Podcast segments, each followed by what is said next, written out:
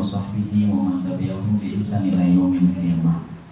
Ibu-ibu yang semoga Allah rahmati dan Allah berkati.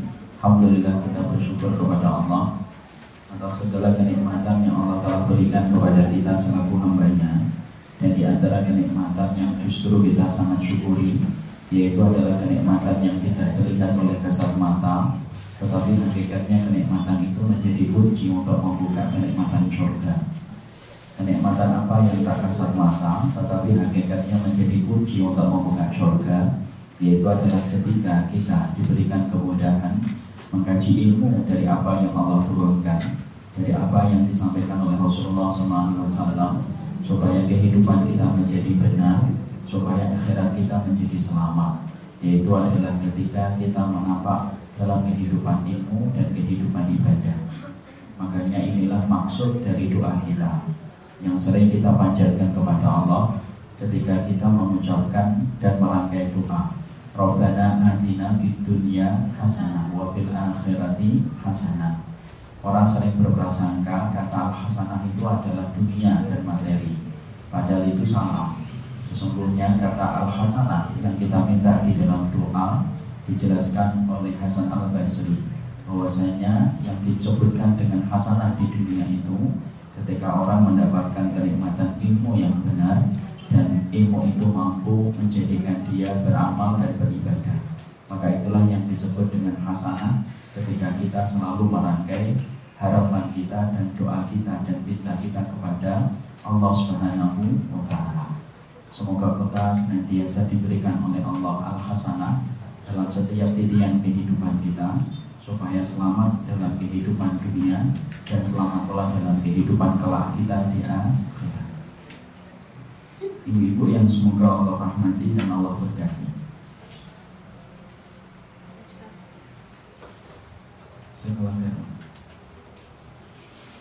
Kita dalam kesempatan kali ini kita akan meneruskan kajian kita yaitu adalah kajian tafsir yang disusun ataupun yang disusun ataupun yang dibuat oleh Syekh Utsaimin rahimahullah taala yaitu adalah tafsir juz 30. Maka dalam pertemuan kita yang terakhir kita sampai pada pembahasan apa? Alam selesai. Nomor 6.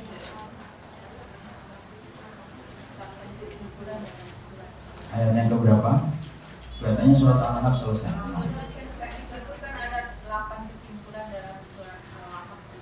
Iya, sudah berarti. Sampai nomor lima. Dibacakan dulu yang pertama apa?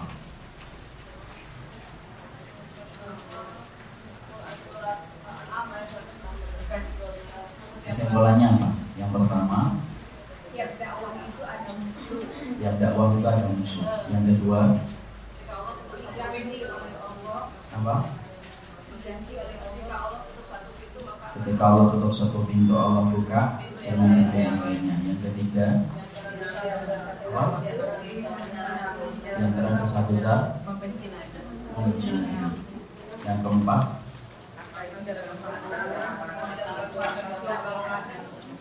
keluarga tidak bermanfaat bagi orang kafir. Harta tidak bermanfaat bagi orang kafir kelak pada waktu hari kiamat. Yang kelima, istri memuji Sama dengan suaminya. Ya. Itu lima kesimpulan yang telah kita pelajari di dalam surat Al-An'am. Sekarang mari kemudian kita pelajari yaitu adalah yang keenam.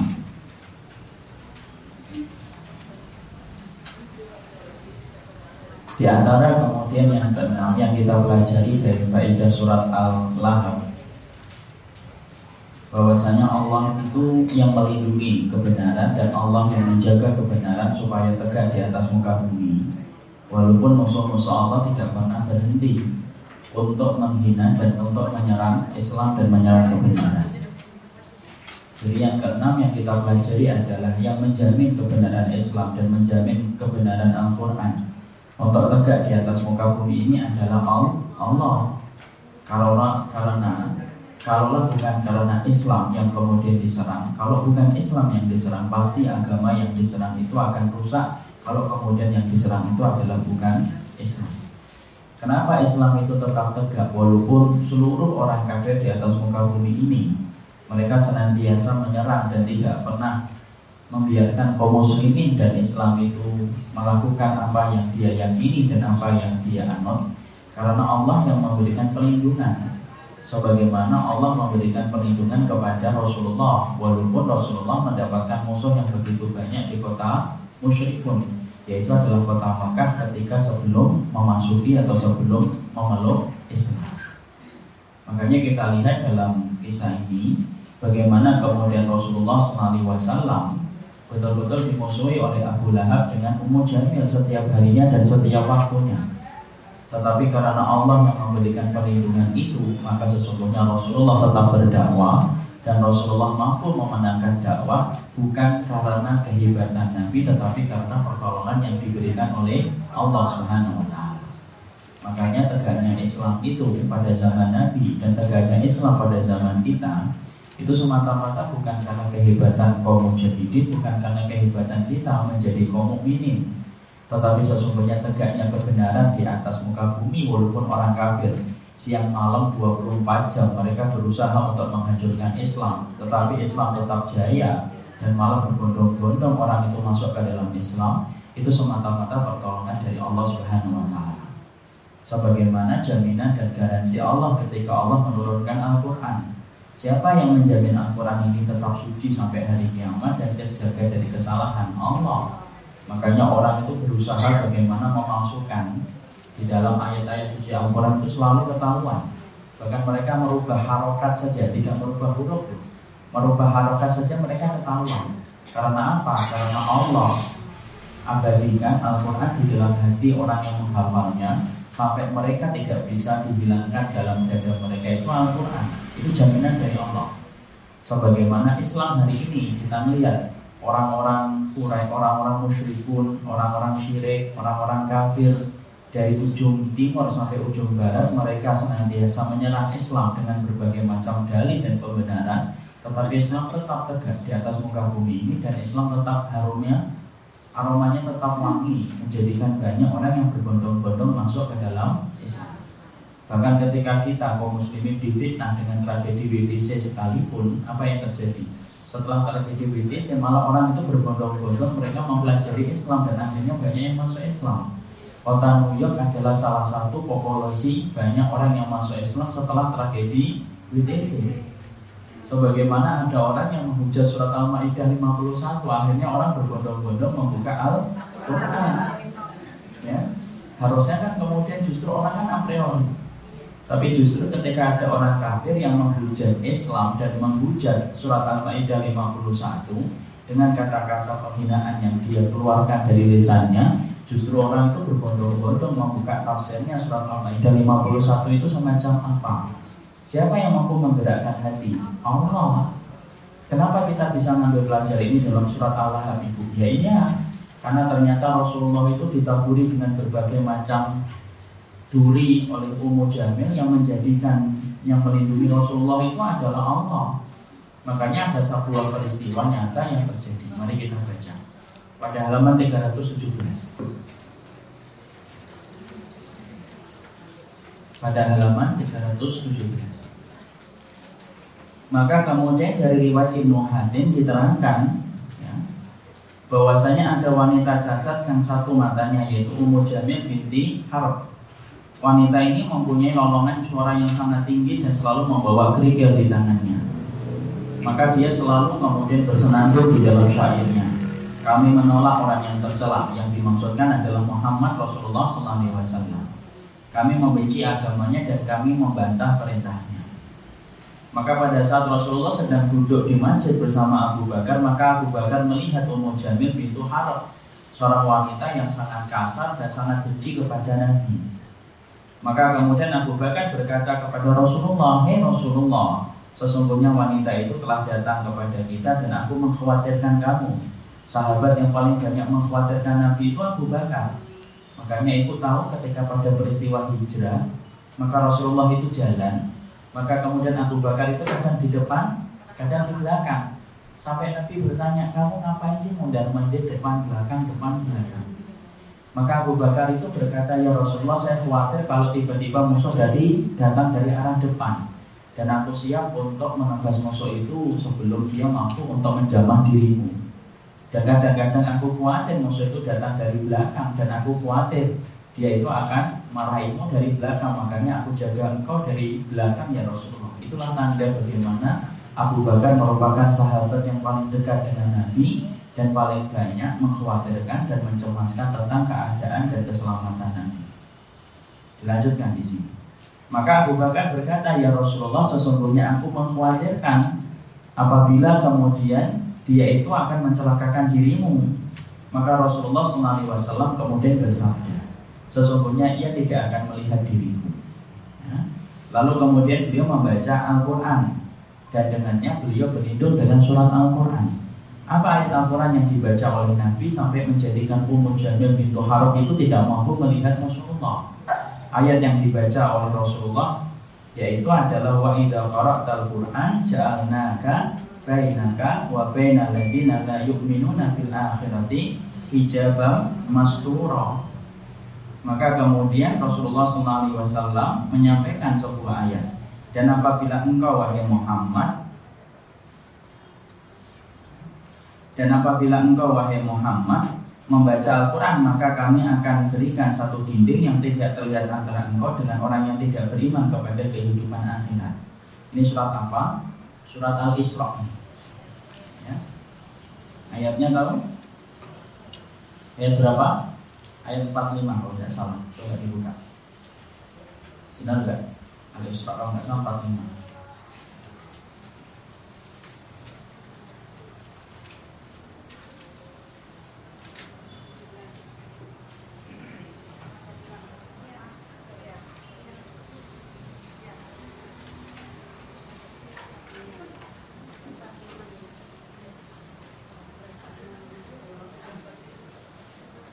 Ada, betul? Di situ kita mendapati bahwasanya Rasulullah membacakan surat Al-Isra ayat ke-45. Wa idza qara'tal Qur'ana ja'alna bainaka wa bainal ladzina la yu'minuna bil akhirati hijaban mastura. Dan apabila engkau Muhammad apabila engkau membaca Al-Quran maka, maka maka kami adakan dinding yang tidak terlihat antara engkau dengan orang yang tidak beriman kepada hari akhirat. Dan apa yang terjadi ibu? Betul-betul Allah memberikan perlindungan kepada Nabi. Saat itu Ummu Jamil bintu Harb tidak melihat Rasulullah. Dia berkata lantang kepada Abu Bakar tetapi tidak melihat Rasulullah yang ada di sampingnya Abu Bakar. Betul-betul tidak terlihat. Insya Allah. Maka kemudian sampai wanita itu berdiri dan menghadap hingga berdiri di depan Abu Bakar. Dan dia berkata, Hei Abu Bakar, aku beritahu ya bahwasanya sahabatmu itu telah mengejekku Kemudian Abu Bakar menjawab, tidak demi pemilik Ka'bah ini yaitu adalah Allah, dia tidak mengejekmu. Maka kemudian wanita itu pergi sembari menggerutu. Dia berkata, suku Quraisy telah mengetahui bahwasanya aku adalah anak perempuan pemimpinnya, yaitu. Harab ini pemimpin orang-orang Quraisy salah satunya. Keturunan orang mulia Ummu Jamil ini. Tapi di sini kita mendapati faedah ini mendapatkan bahwasanya yang memberikan perlindungan atas kebenaran itu siapa? Allah. Dan inilah yang tidak pernah dilihat oleh orang-orang kafir. Makanya orang kafir itu walaupun mereka berupaya menyebarkan propaganda di media, belum lagi peluru-peluru yang mereka buat, belum lagi rudal-rudal yang mereka buat tiap hari. Tapi kenapa kok Islam itu tidak pernah punah ya di atas muka bumi ini walaupun semacam itu mereka berupaya untuk menghancurkan Islam karena mereka lupa bahwasanya Allah itu Al-Hafid. Allah itu Maha Penjaga dan yang dijaga itu adalah orang-orang yang beriman. Allah waliyul ladina amanu. Allah itu wali bagi orang yang beriman. Allah itu wali bagi orang yang beriman. Jadi ketika kita di atas kebenaran, maka jangan khawatir. Ingat ibu, kebenaran itu tidak pernah mendekatkan ajal dan kebenaran itu tidak pernah menjauhkan rezeki. Karena kadang-kadang kita berprasangka kalau saya memegang kebenaran, nanti rezeki saya seret. Nanti ajal saya dekat karena banyak orang yang mengancam saya. Tidak, Rasulullah itu bersabda, Al-haqqu la yufarridu ajalan wa la yubaidu an. Kebenaran itu tidak pernah mendekatkan ajal dan kebenaran itu tidak pernah menjauhkan rezeki. Makanya Masya Allah di sinilah kita betul-betul mengetahui Apa pun kebenaran yang telah kita yakini Jangan khawatir, jangan takut. Maka sesungguhnya Allah yang akan memberikan perlindungan kepada kita. Sebagaimana Rasulullah diberikan perlindungan oleh Allah. Allah jadikan Ummu Jamil bintu Harun tidak mampu melihat Rasulullah ketika Rasulullah bersama dengan Abu Tapi ayat ini jangan disalahgunakan ya. Nanti kalau kemudian kita mau maling membaca ayat ini supaya nggak kelihatan, boleh. Loh, karena ayat ini disalahgunakan. Ayat ini sering disalahgunakan. Misalkan ketika kita melakukan tidak kejahatan membaca ayat ini supaya tidak kelihatan salah. Ayat ini ketika mampu untuk melindungi Nabi sampai Nabi tidak terlihat karena bentuk perlindungan Allah kepada Rasulullah dan ini menjadikan kita akhirnya semakin paham jangan khawatir Islam itu akan senantiasa dijaga oleh Allah dan Allah akan senantiasa memilih orang-orang di antara hambanya yang betul-betul akan kerja untuk Allah semata ya, jadi Allah itu akan memilih siapa yang akan menjadi penolongnya cuma masalahnya adalah apakah ibu dan saya itu menjadi penolong Allah atau enggak Jangan-jangan kita ini bukan penolong Allah, maka jangan salahkan Allah kalau Allah itu tidak membantu kita ketika kita mendapati masalah dalam kehidupan kelak di akhirat. Lalu kita tidak pernah jadi penolongnya Allah di dunia loh. Ya kalau kamu tidak pernah jadi penolongnya Allah dalam kehidupan dunia, kenapa kamu bisa mengharapkan ditolong oleh Allah dalam kehidupan di akhirat? Kenapa Rasulullah ditolong oleh Allah? Ya karena Rasulullah itu penolong. Dia kerja untuk Allah. Orang yang kerja untuk Allah ketika ikhlas di dalam bertutur kata dan di dalam berbuat, maka mereka lah yang akan diberikan pertolongan oleh Allah. Dan mereka lah yang mendapatkan karomah-karomah yang tidak pernah mampu kita telusuri dengan akal dan logika kita. Kenapa? Karomah itu di luar kemampuan akal. Kalau Nabi mukjizat ini, di sinilah pentingnya. Jadilah orang yang kerja sama Allah, apa pun yang kita lakukan untuk Allah supaya kita ditolong Allah ketika kita dalam kehidupan kelak di akhirat. Orang yang menolong Allah terkadang hidupnya memang susah, sulit. Tapi yakin kalau dia menolong Allah semata-mata ikhlas, maka Allah akan menolongnya dalam kehidupan kelak di akhirat. Makanya Nabi Musa, Nabi Isa itu berkata, Man ansori ilallah. Nabi Isa itu berkata, siapa yang menjadi penolongku untuk menolong agamanya Allah? Mari kita buka dalam Quran.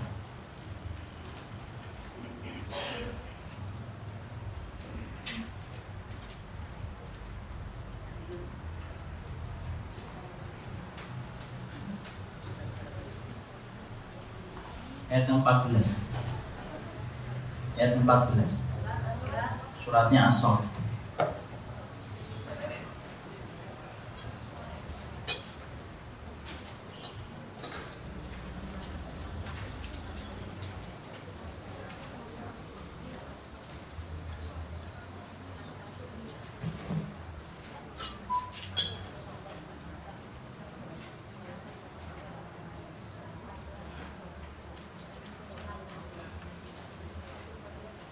Ya dibaca.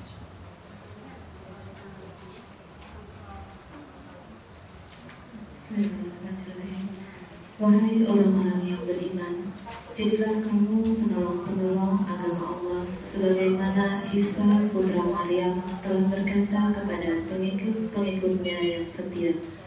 Siapakah yang akan menjadi penolong-penolongku untuk menegakkan agama Allah? Pengikut-pengikutnya yang setia itu berkata, Kamilah penolong-penolong agama Allah. Lalu segolongan dari Bani Israel beriman dan segolongan yang lain kafir. Lalu kami berikan kekuatan kepada orang-orang yang beriman terhadap musuh-musuh mereka sehingga mereka menjadi orang-orang yang menang.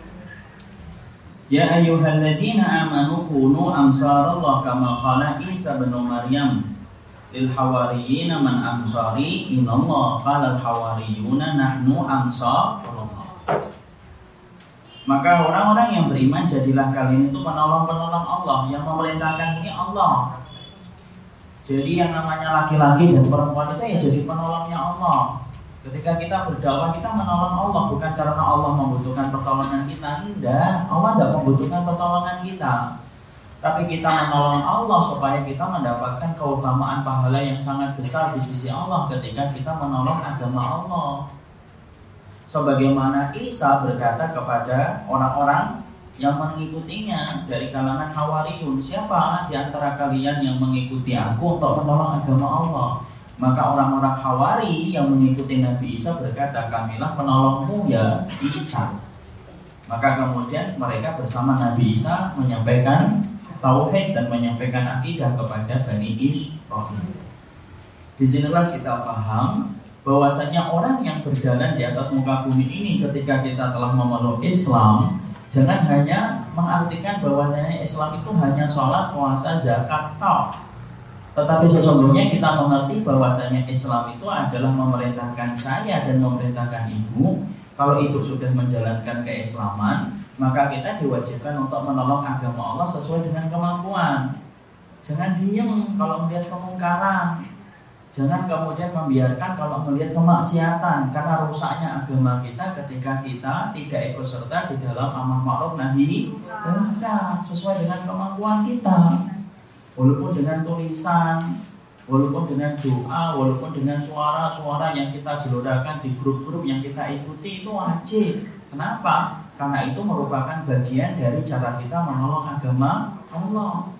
Orang munafik saja Orang-orang kafir saja ingin masuk neraka saja, usahanya tidak pernah tidur kok, hanya untuk masuk neraka.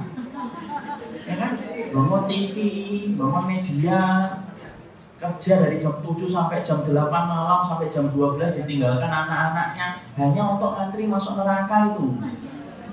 Orang yang beriman ingin masuk surga tetapi leha-leha, kemudian agamanya dilecehkan, diem,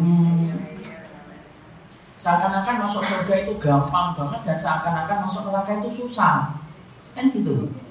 Orang itu kalau lihat orang kafir itu ibu, masya Allah, medianya aja lah ada ribuan ibu, ada BBC, ada NBC, semuanya mereka itu apa menyuarakan supaya Islam itu kalah, Islam itu hina, pinginnya gitu. Sampai-sampai mereka kerja terus mati-matian hanya untuk menghancurkan Islam dan menyudutkan kaum mukminin. Seakan-akan masuk neraka itu susah banget susah banget, sulit, hanya harus kemudian semacam itu. Lah kita orang yang kemudian ingin mendapatkan surga, seakan-akan surga itu gampang banget, seakan-akan dengan kita diam sholat tak sudah bisa mendapatkan surga. Padahal amal kita pas-pasan. Padahal amal pas-pasan itu masya Allah. Amal pas-pasan itu ya jangan terlalu pede kalau kemudian mengharapkan surga. Jadi yang keenam yang kita ambil di sini itu apa? Yang keenam adalah Allah selalu melindungi kebenaran. Karena sesungguhnya surat ini menceritakan bagaimana detik-detik Nabi ketika diberikan perlindungan oleh Allah dijadikan Nabi tidak mampu dilihat oleh Ummu Jamil bintu Harb disebabkan Allah melindungi Rasulullah karena Rasulullah menolong agamanya Allah Subhanahu wa taala. Ya. Maka kemudian yang ketujuh yang ketujuh adalah al jaza min jinsin amal. Perbuatan itu sesuai dengan apa yang dia kerjakan. Hasil itu balasan itu sesuai dengan perbuatan yang dia kerjakan. Ini pelajaran yang keberapa? Tujuh.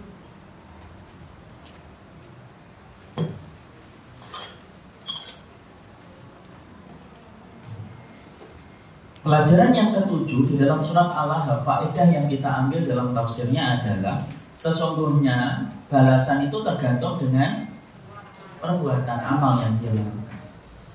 Dari mana kita mengambil ini dalam pelajaran surat Allah? Itu perhatikan bagaimana Allah itu mengganjar kontan Abu Lahab dengan istrinya Ummu Jamil bahwasanya ketika mereka menebar perbuatan-perbuatan ketika memerangi Allah dan Rasulnya maka pasti mereka itu akan mendapatkan balasan yang pedih dan balasan pedih yang mereka dapatkan itu apa? Yaitu dalam kehidupan kelak di akhirat.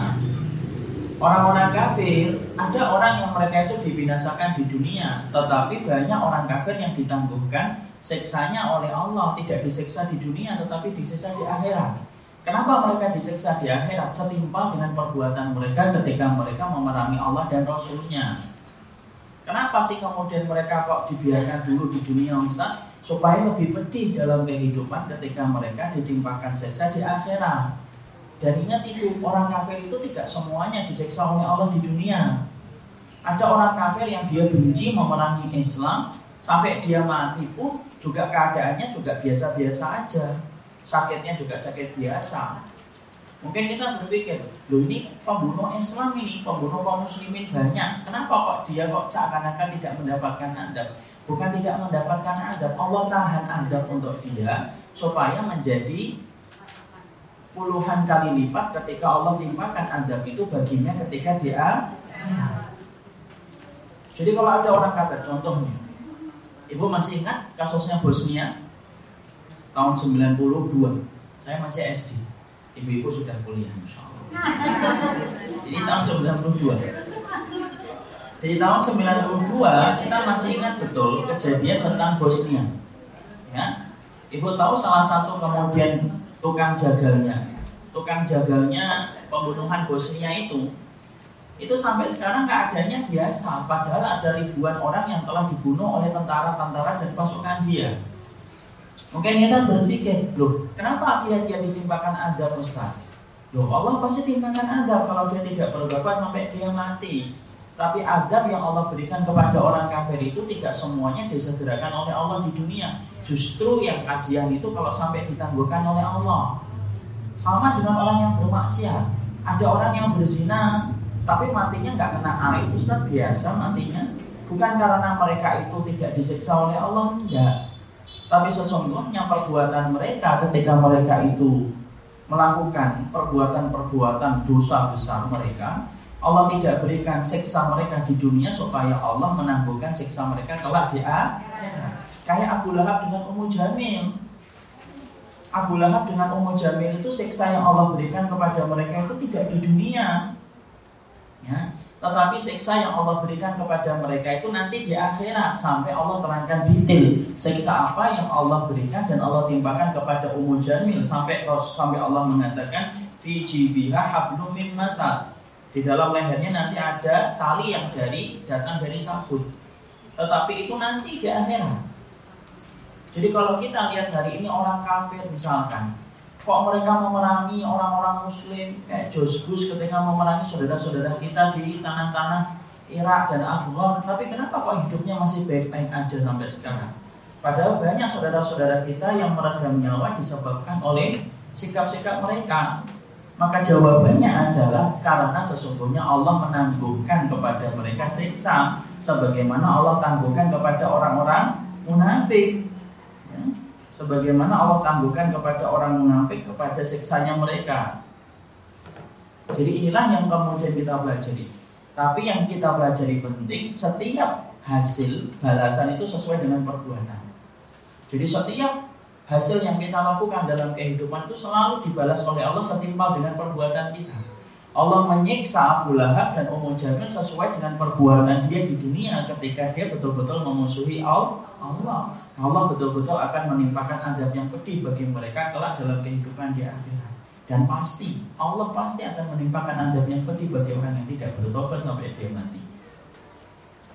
Jangan merasa aman dari makannya Allah. Makanya semuanya dalam perkara inilah yang menjadikan kita harus mawas diri. Tidak perlu kemudian kita sedih. Kenapa ya orang kafir kok masih hidup tenang, bebas? Itu kadang-kadang sedih nggak? Orang-orang Suria hidupnya susah payah, mereka makannya susah, tapi orang-orang Bollywood dan Hollywood hidupnya enak banget. Ya kan?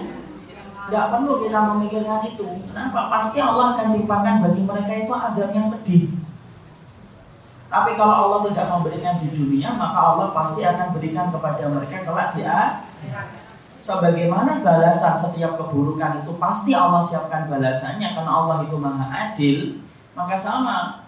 Maka balasan atas perbuatan baik itu ya atas perbuatan baik. Dan perbuatan baik ibu saya ingatkan semua perbuatan baik yang dilakukan oleh saya dan ibu tidak semuanya dibalas oleh Allah di dunia. Terkadang Allah membalasnya nanti di akhirat. Jangan menjadi orang yang bercita rasa dunia ketika kita melaksanakan ibadah bahwasanya kita ingin mendapatkan balasan itu langsung di dunia. Lu kok kita yang ngatur, mau yang punya hidup itu Allah kok. Ada orang yang soli tapi sampai dia meninggal dunia itu betul-betul susah terus hidupnya. Di rundung masalah nggak pernah berhenti. Kenapa pada semacam itu Ustaz? Ya memang hidup kita miliknya Allah. Dan semua kesolihan ibu dan saya tidak semuanya harus dibalas di dunia. Justru kita khawatir kalau dibalas di dunia, maka kita khawatir jangan-jangan nanti tidak ada lagi balasan di akhirat. Kayak Abdurrahman bin Auf itu loh ibu. Ibu tahu kan Abdurrahman bin Auf itu masya Allah. Beliau itu ketika meninggal dunia meninggalkan untuk satu istri itu 70 ribu dirham. Satu dir, eh, 70 ribu dinar. Satu dinar itu 4,25 gram. Ibu hitung itu. Itu satu istri. Istrinya berapa? Empat. Kalikan itu 70 ribu kali 4 Berapa, berapa itu? 280 ribu dinar Itu baru untuk istrinya seperdelapan Belum yang lainnya, belum anaknya ini Siapa itu? Abdurrahman bin Auf Tapi ibu tahu kekayaan yang diperoleh Abdurrahman bin Auf itu kekayaan yang selalu membuat air matanya Abdurrahman bin Auf itu nangis Apalagi kalau makan, para sahabat itu ingat ya Allah dulu Nabi belum pernah sempat makan kurma kayak gini. Nangis Abdurrahman bin Auf itu. Dulu Musa bin Umar itu yang mengislamkan kota Madinah belum pernah mendapatkan pakaian kayak gini. Nangis itu. Dan tahukah kita di antara isak tangisnya Abdurrahman bin Auf itu apa? Dia sering berkata, saya itu paling takut kalau melihat hartaku, jangan-jangan Allah itu membalasku di dunia dan tidak lagi ada balasan untukku di akhirat. Jadi kalau kita di situ memahaminya apa? Beramal soli ibu tidak selalu harus dibalas di dunia. Justru kita khawatir kalau dibalas semuanya di dunia itu nanti kita malah geger nanti tidak ada lagi balasan di akhirat. Makanya kalau kita soli, kemudian kita solihah, tiba-tiba banyak masalah, ya memang begitu hidup itu bukan kita yang punya hidup, Allah yang punya hidup. Dan Allah membalasnya itu kalau tidak dibalas di dunia, pasti dibalas di akhirat.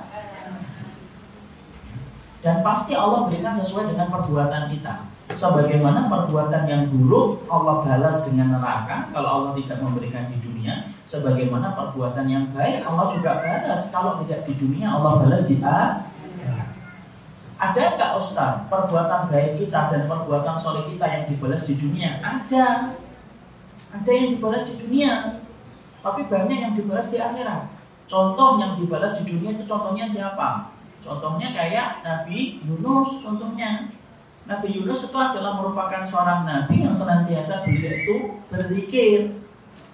Ibu tahu sampai beliau itu kebiasaannya berzikir dan tidak pernah lepas dari zikir, makanya ketika beliau berada di perutnya ikan paus, Allah itu kemudian memberikan kepada beliau itu keselamatan. Allah wahyukan kepada ikan paus yang menelan Yunus untuk pergi ke pinggir pantai memuntahkan Nabi Yunus.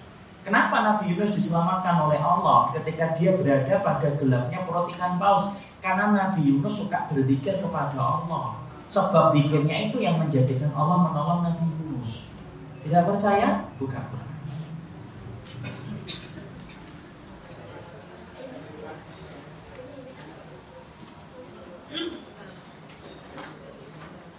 Dibuka dalam surat As-Saff lagi 143 144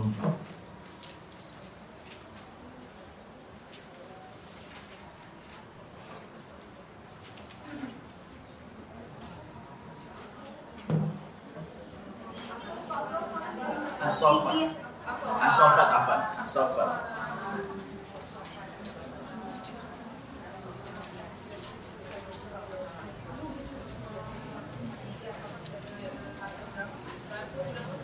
143 144 dua.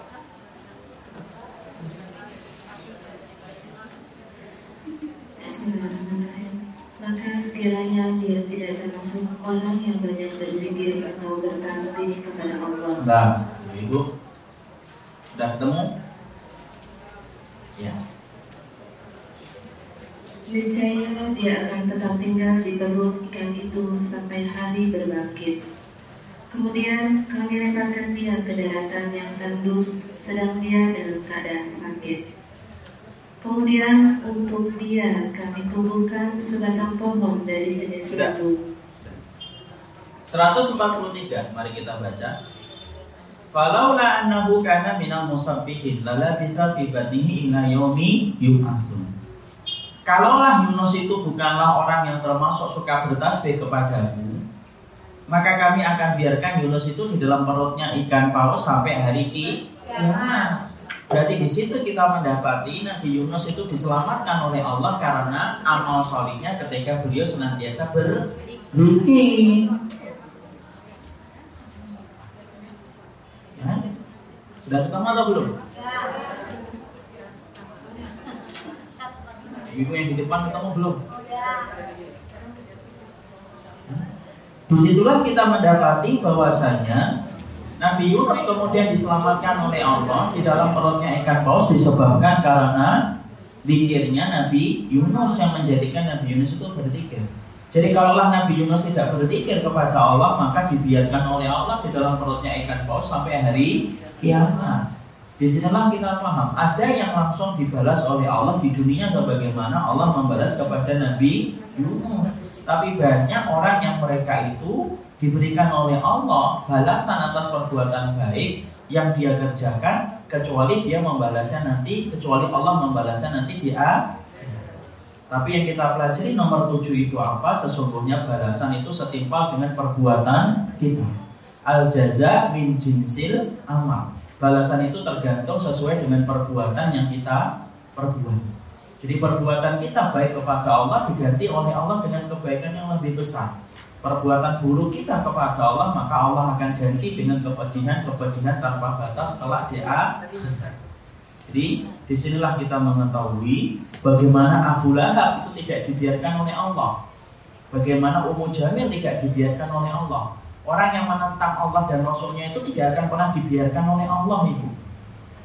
Jadi kalaupun kita belum mampu membalas atas kejahatan mereka kepada kaum muslimin, pasti Allah itu akan membalas mereka dengan adab yang sangat pedih. Dan kita menyerahkan itu kepada pengadilan Allah Subhanahu wa taala. Makanya Masya Allah inilah yang menjadikan kita senantiasa mengupayakan berbuat kebaikan karena sesungguhnya perbuatan baik kita kepada Allah dilipat gandakan oleh Allah dengan kenikmatan surga. Kemudian yang terakhir, yang kedelapan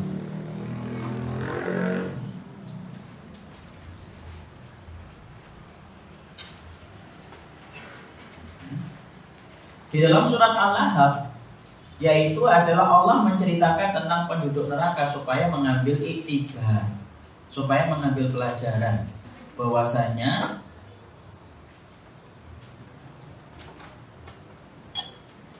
supaya kita mengambil pelajaran bahwasanya penduduk-penduduk neraka itu membuat kita untuk tidak mengulang perbuatan yang mereka lakukan dalam kehidupan. Jadi Allah itu ceritakan penduduk-penduduk neraka itu detail dalam kehidupan kita itu apa? Supaya kita tidak mengikuti apa yang telah diperbuat oleh mereka supaya kita paham dan mengambil pelajaran dari itu.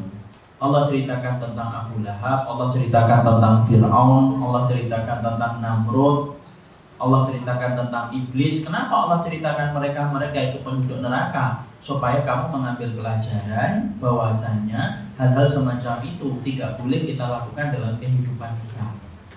Ya.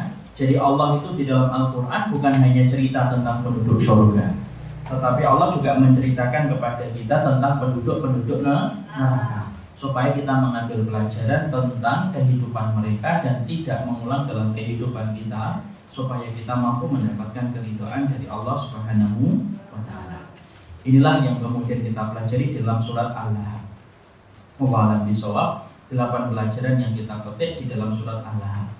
Nah, sebelum kita melanjutkan kepada surat An-Nasr, kita buka dulu dengan pertanyaan. Karena ini sudah selesai dengan surat Al-Lahab. Berapa kali pertemuan ini surat Al-Lahab? Tiga kali pertemuan surat Al-Lahab, baru kemudian selesai. Ada yang ingin bertanya tentang surat Al-Lahab? Iya.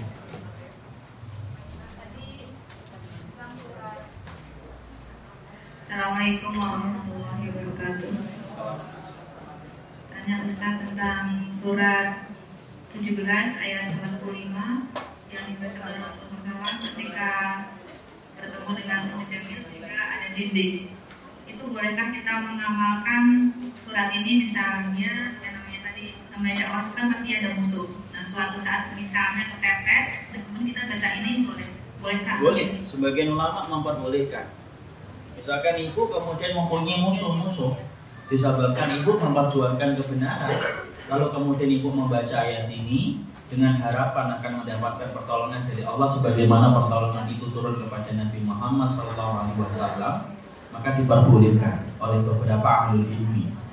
Ya selama itu tidak dipakai dalam perkara kebatilan.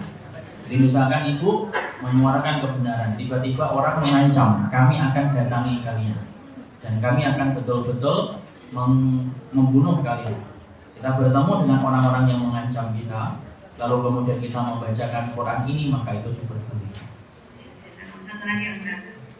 Kemudian tadi yang bawa awal itu membalas al-jaza al-jaza min al-jaza min jinsil amal. Iya. Allah itu akan membalas kita amal kita di dunia atau di akhirat. Itu bagaimana uh, sikap kita misalnya kita sedang sakit itu kan kita boleh uh, misalnya bersedekah ya kan ada hadisnya itu kita menolak bala itu ada hadisnya hmm kita sebaiknya gimana? Atau misalnya kita minta sama Allah dan nanti di kita minta balasan di akhirat saja atau gimana? Kalau masalah meminta kesembuhan ibu, saya ingatkan. Sebelum saya mengingatkan tentang meminta kesembuhan, saya tanya kepada umat sekalian. Berobat itu hukumnya wajib atau sunnah? Siapa yang mengatakan wajib angkat tangan? Satu dua tiga empat lima tujuh delapan. Wajib ya? Dia mengatakan sunnah. Dia mengatakan ubah kalau yang lainnya tidak pernah sakit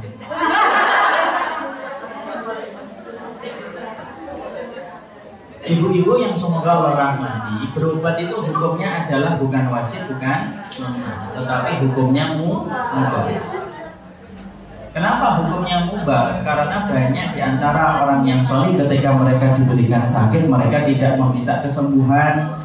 Contohnya siapa? Nabi Ayub. Ada sahabat juga yang meminta sakit. Contohnya siapa? Contohnya Ubay bin Ka'ab. Itu juga meminta sakit.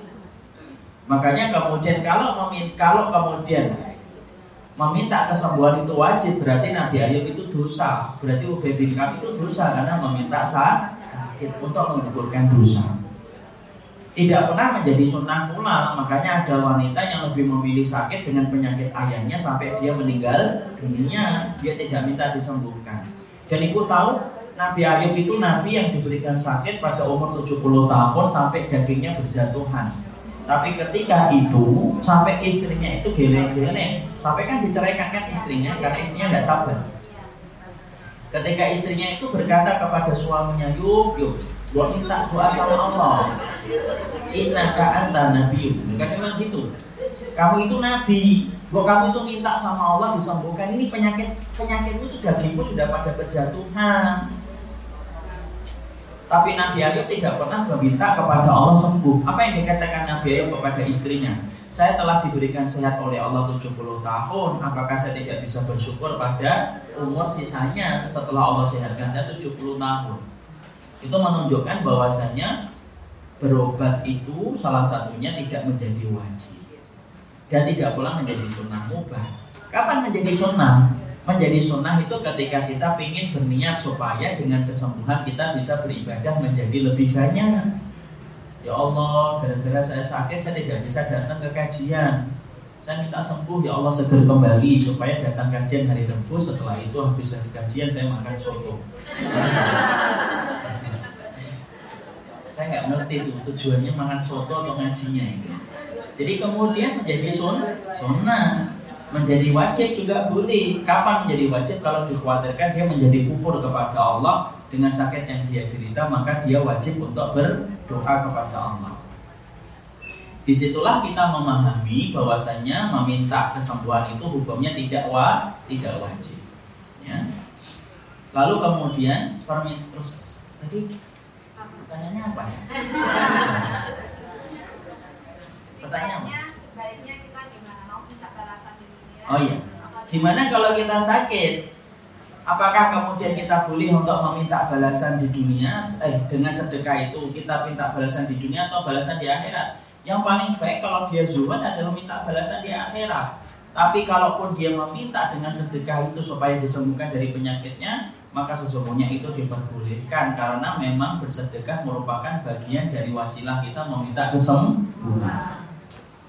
Ya, tapi kalau ternyata sedekah itu sampai ibu bersedekah kok tidak sembuh-sembuh, jangan disalahkan sedekahnya.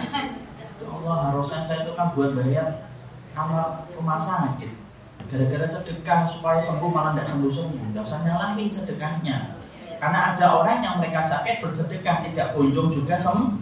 Bukan kemudian Allah tidak menepati janji. Tidak, Allah menepati janji. Tapi Allah memberikan kelak nanti di akhirat. Paham? Yang lainnya. Sebelum kita lanjutkan ke surat An-Nasr. Yaitu. Salam.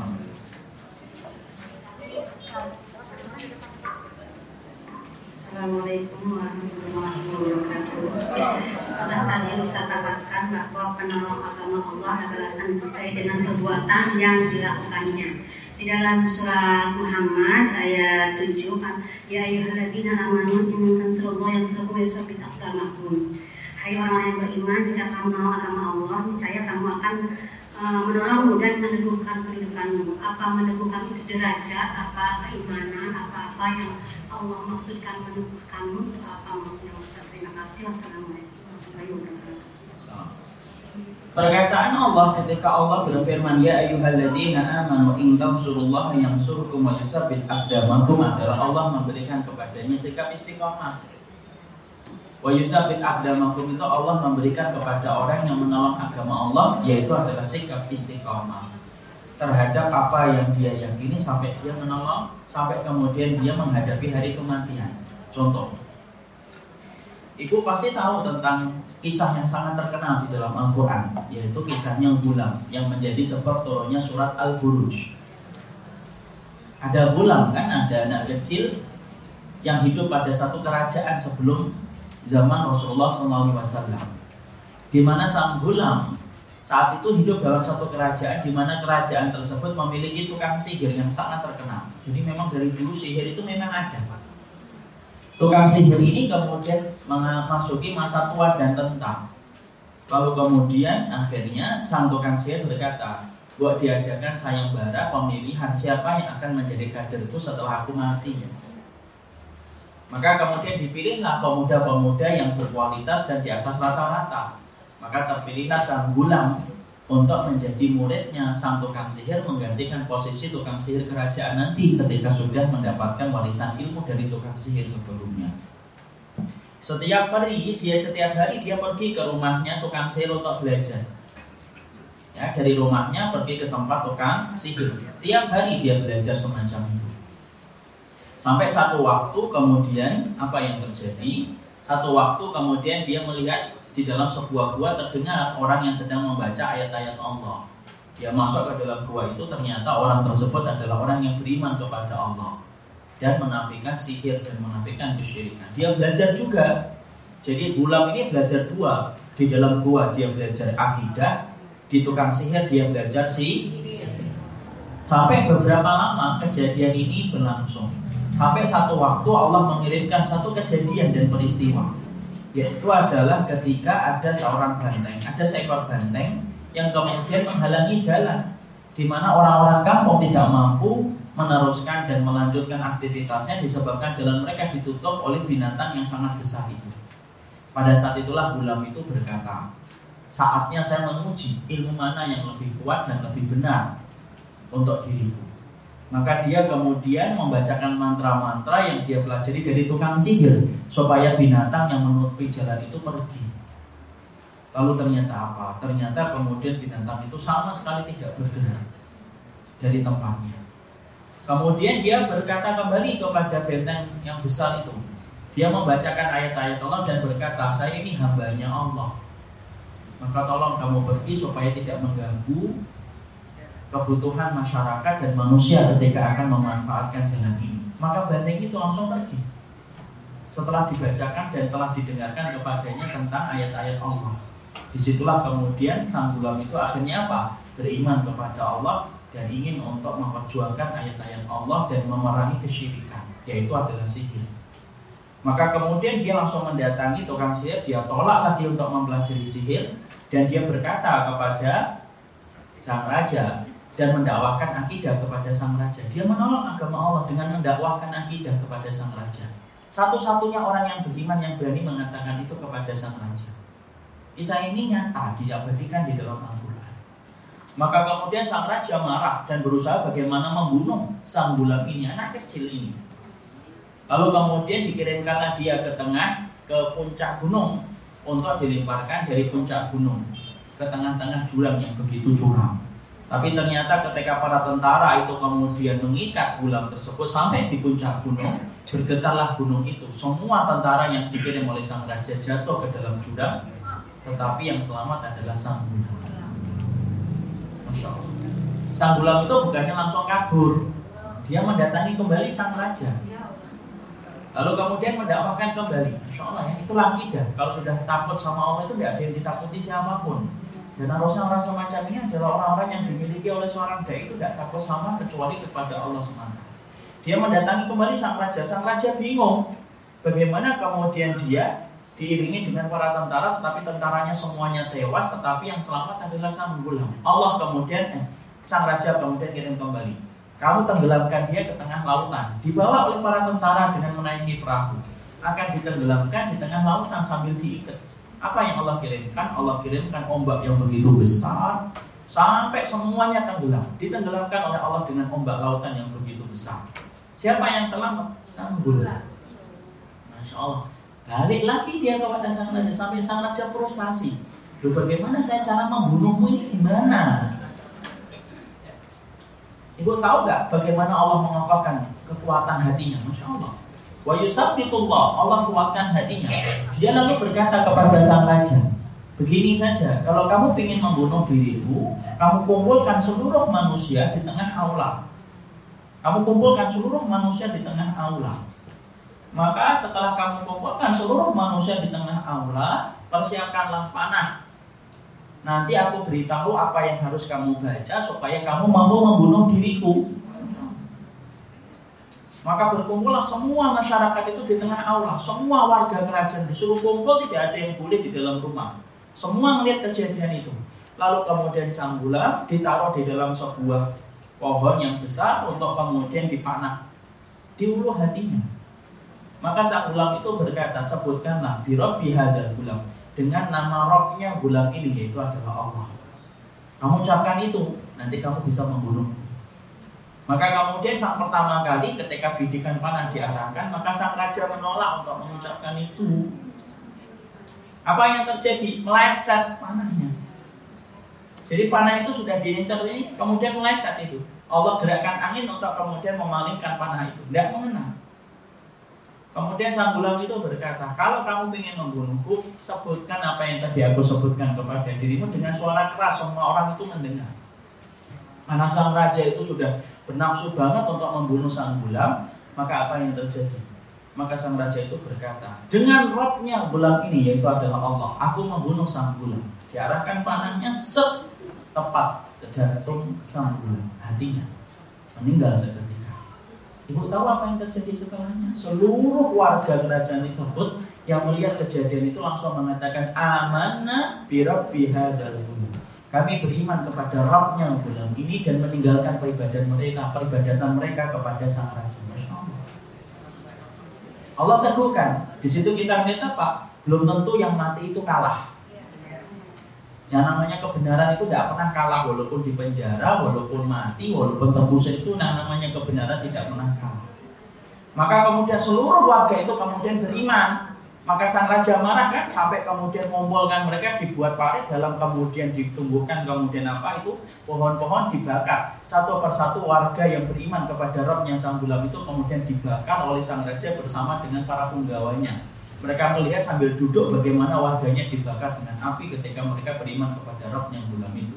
Makanya sampai Allah turunkan surat Al-Buruj. Dibuka surat Al-Buruj.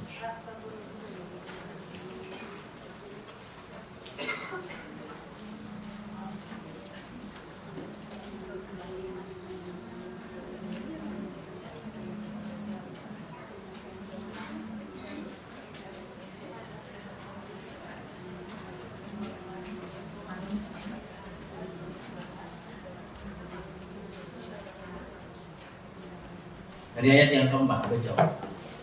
Dari ayat yang keempat sampai ayat yang kesembilan. Binasalah orang-orang yang membuat parit, yaitu para pembesar Nasrani di Yaman, yang berarti yang mempunyai kayu bakar. Ketika mereka duduk di sekitarnya, sedang mereka menyaksikan apa yang mereka perbuat, perbuat terhadap orang-orang mukmin. Dan mereka menyiksa orang-orang mukmin itu hanya karena orang-orang mukmin itu beriman kepada Allah yang Maha Perkasa, Maha ya. Terpuji. Orang kafir itu kenapa sih benci kepada orang yang beriman sampai ubun-ubun mereka? Ya nggak ada salahnya itu. Kita ini nggak salah. Salahnya kita itu beriman di mata orang kafir itu saja. Ya Allah jelaskan di sini. Kenapa seorang kafir ingin melumat kita semuanya Ustaz? Padahal kita juga nggak pernah ganggu mereka. Loh, karena itu beriman, itulah yang mengganggu mereka. Teruskan. yang memiliki kerajaan langit dan bumi, dan Allah Maha menyaksikan segala sesuatu. Ya. Maka di situlah Allah turunkan surat Al-Hurud menceritakan bagaimana kekaguman Allah kepada yaitu adalah kepada penduduk-penduduk yang dibakar di dalam parit ketika mereka terbakar disebabkan mereka mempertahankan iman. Masya Allah. Di sinilah kita mulai paham dari surat Muhammad tadi ya yuhalladina amanu in tansurullaha yang surukum wa yusabbit aqdamakum. Wahai orang yang beriman, kalau kamu menolong Allah, maka Allah itu akan menolong kamu dan meneguhkan yaitu langkah-langkahmu artinya Allah memberikan istiqomah sampai meninggal dunia sebagaimana istiqomahnya Gulam ketika dia meninggal dunia kematiannya menyebabkan orang berbondong-bondong masuk ke dalam Islam dan beriman kepada Allah dan meninggalkan peribadatan syirik kepada sang raja. Ini namanya istiqomah. Makanya kalau ada orang yang pengen istiqomah tetapi dia ibadah tok tidak mau untuk berjuang pada agama Allah ya susah sulit. Kalau ingin istiqomah itu yang kemudian kita harus bersama-sama dengan orang-orang yang beriman untuk menegakkan agama Allah sesuai dengan kemampuan. Ada yang berdakwah, ada yang mengisi kajian, ada yang ikut mengatur bagaimana kajian itu bermanfaat bagi umat. Itu salah satu cara untuk meneguhkan kita supaya kita menjadi orang yang istiqomah. Coba ibu kalau terbiasa ikut dalam ritme perjuangan sesuai dengan kapasitas ibu masing-masing, ibu pasti akan diberikan oleh Allah balasan. Setidaknya Allah memberikan hangatnya iman di dalam kalbunya kita. Dan itulah janji Allah yang Allah tidak pernah selisih. Paham itu? Iya. Yang lainnya? Boleh tema? Tidak, surat Al-Habs. Surat Al-Habs. Karena kita bicara tafsir harus di masalah tafsir. Iya. Gak usah pakai ini. Salam. Ustaz, eh, mengenai yang sekarang, masalah yang tadi eh, Al-Maidah itu sekarang berkembang sampai sampai seperti ini, kita sebagai eh, umat yang melihat itu harus bagaimana ya Ustaz? Eh, banyak kan berkembang di media eh, pembelaan dari FPI MUI berlanjut terus gitu ya. Dan kita sebagai umat harus seperti apa Ustaz? Apakah kita kita menolongnya dengan cara yang seperti bagaimana? Ibu menolongnya sesuai dengan kemampuan ibu. Seorang wanita hari ini ketika mendapati pelecehan terhadap ayat-ayat Al-Quran yang dilakukan apa? Pertama, tolong disemlitkan di dalam waktu-waktu yang mustajab. Supaya Allah itu menolong agamanya ketika orang-orang kafir bernafsu untuk melecehkan dan menghinakan agamanya. Yang kedua, manfaatkan hal-hal yang bisa untuk menunjukkan kemurkaan kita, kemarahan kita sesuai dengan hal-hal yang syar'i. Ibu kemudian ikut apa petisinya, menunjukkan di grup bagaimana kemudian kita berdakwah, kita nyadarkan umat bagaimana tentang hakikat yang semacam ini kita sampaikan di grup, kita sampaikan di keluarga kita. Wanita perlu turun ke jalan, nggak usah turun ke jalan, nggak usah turun ke jalan. Jadi kalau kemudian seorang wanita cukup dengan apa yang dia bisa perbuat di dalam rumahnya, ibu tunjukkan, ibu share kepada teman-temannya yang terutama yang masih terkena virus-virus kemunafikan ketika mereka masih melecehkan ayat-ayat suci Al-Quran, pertahankan, sampaikan. Gigihlah berjuang untuk agama Allah. Karena apa? Kalaupun orang meninggalkan ibu, Allah itu akan bersama kita. Loh, kalau kita bersama Allah itu terus kita butuh apa sih? Kalau seorang laki-laki dan seorang perempuan bersama dengan orang yang dia cintai, walaupun seluruh dunia meninggalkan, dia tenang bersama dengan orang yang dia cintai.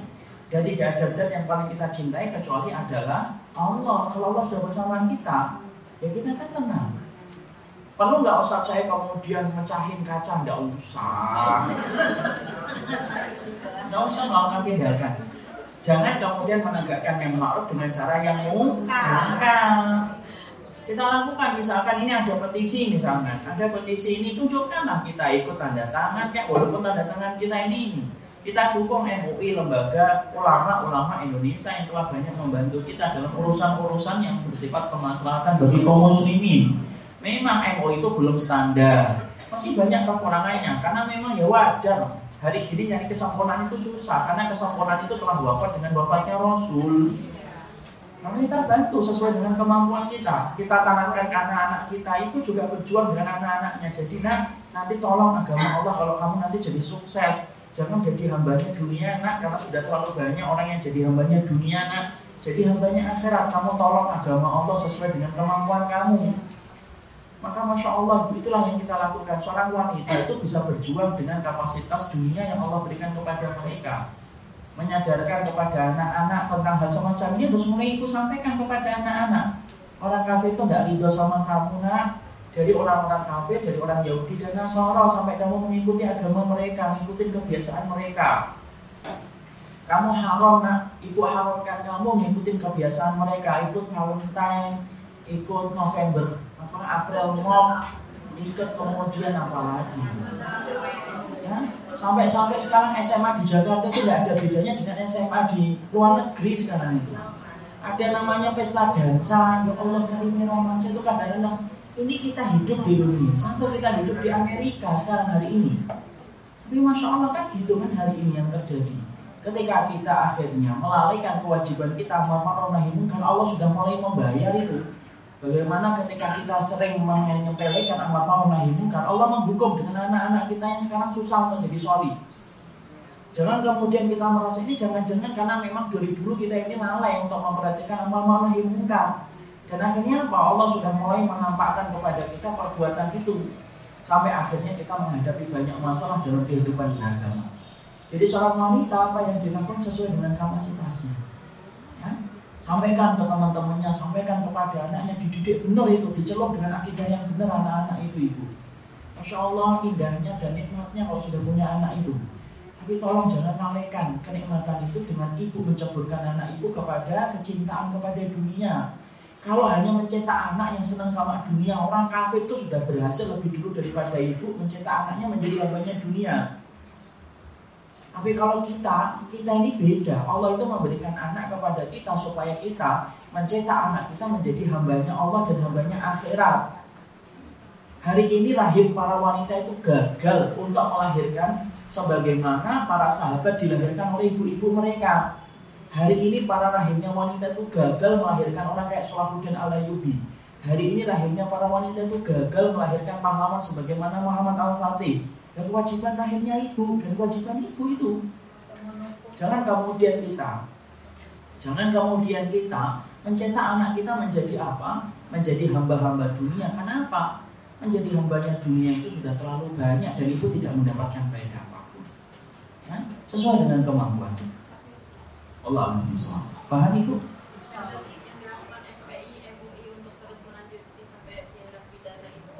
Boleh lah, itu kan diperbolehkan oleh negara ini kan. Negara ini kan boleh. Mau yang punya negara mau perbolehkan kok yang nggak punya negara melalui itu. Yang punya negara mau perbolehkan demo boleh nggak bagi yang punya negara ini?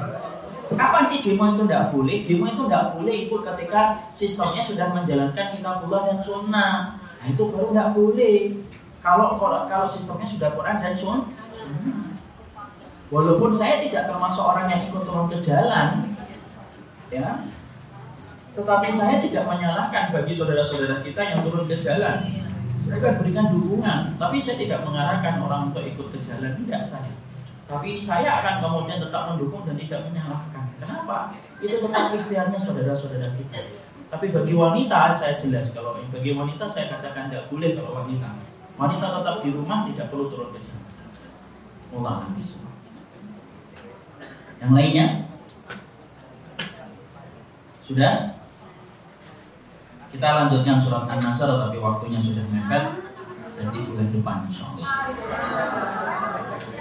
Tanggung, waktunya tinggal 15 menit. Karena kemudian surat An-Nasr panjang sebagaimana surat Al-Ahzab itu panjang.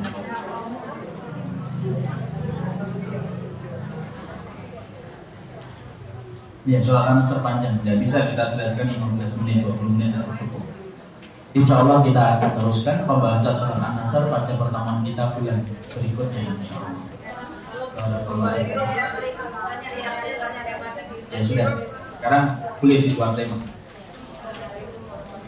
Salam. Ibu-ibu, jangan dimasukkan dulu bukunya ke tas. Saya aja belum masukkan ke tas, karena saya nggak bawa tas. Ya. di dalam sholat malam kan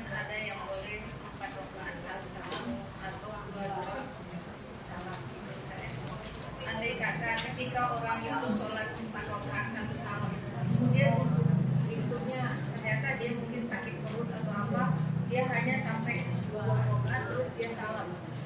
Tidak apa-apa, kan sakit baru. Ibu mau pertangani.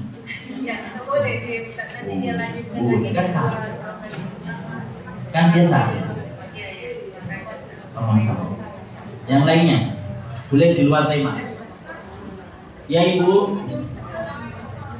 Waalaikumsalam warahmatullahi wabarakatuh.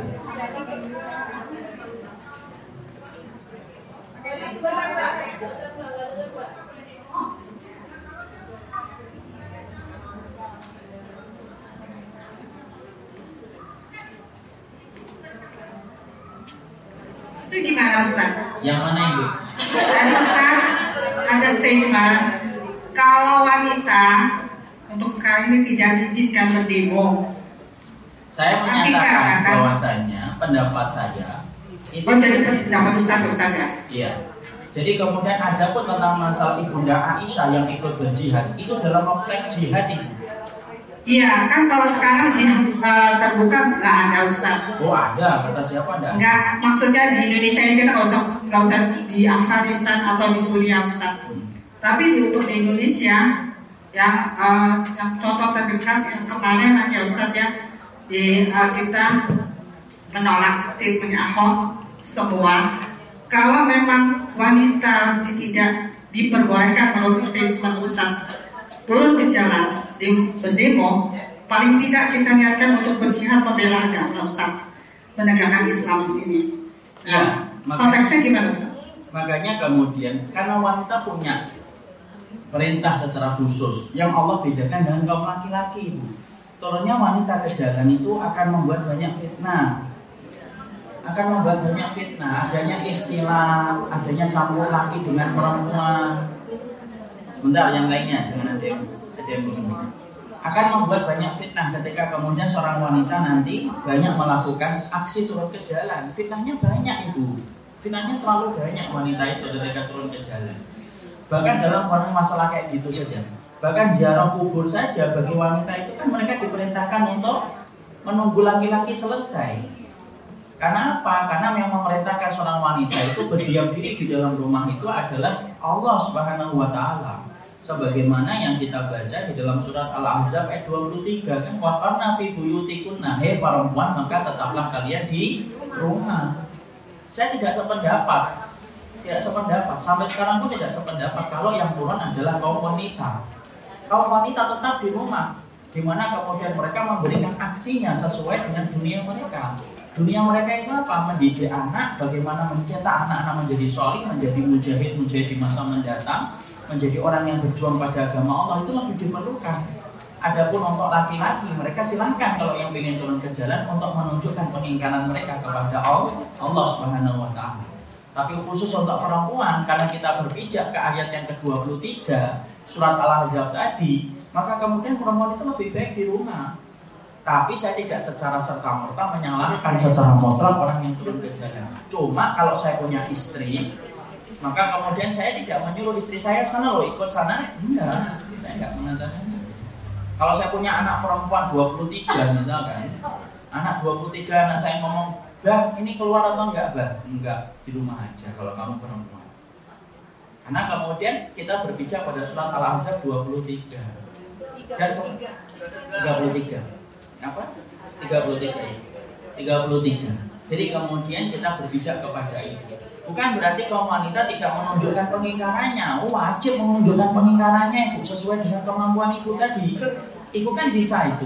Ibu biaya itu, ibu buat nasi-nasi box supaya turun kemudian bisa makan, bisa minum. Masih banyak lahan yang kemudian Allah berikan kepada ibu. Tidak harus kemudian turun. Dan yang dikhawatirkan apa? Yang namanya perempuan, sebanyak apa pun ketika dia di jalan atau sebanyak apa pun dia di mana, orang itu tetap menganggapnya Allah perempuan. Gitu, fitrahnya kan gitu, ya atau tidak? Beda kan kalau yang laki-laki itu. Itu beda banget. Jadi Masya Allah, itulah yang kita bedakan.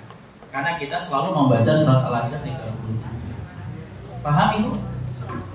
Ustaz. Afwan. Assalamualaikum warahmatullahi wabarakatuh. Kalau ibu adalah ibu saya, ibu juga saya larang, nggak usah turun ke jalan. Buatin aja kasih bom untuk mereka. Yang lain? Sudah? Iya. Salam. Kalau kita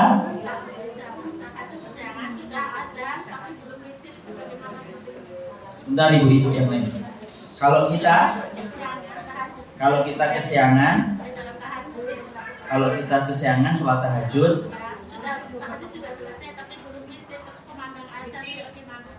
nanti witirnya habis subuh. Kalau ibu sudah terbiasa sholat malam, kecuali ibu tidak pernah sholat malam kecuali sekali dalam setahun, tidak boleh mengkodok witir habis subuh. Tapi bagi yang sudah terbiasa untuk sholat malam satu waktu dia kesiangan, maka boleh mengkodok witir habis sholat subuh. Sama dengan sholat malam ibu.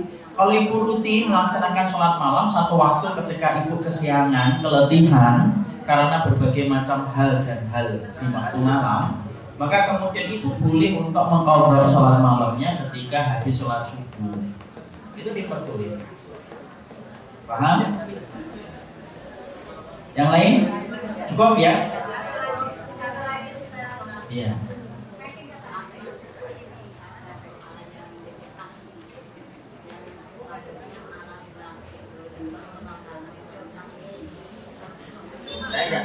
apa ibu?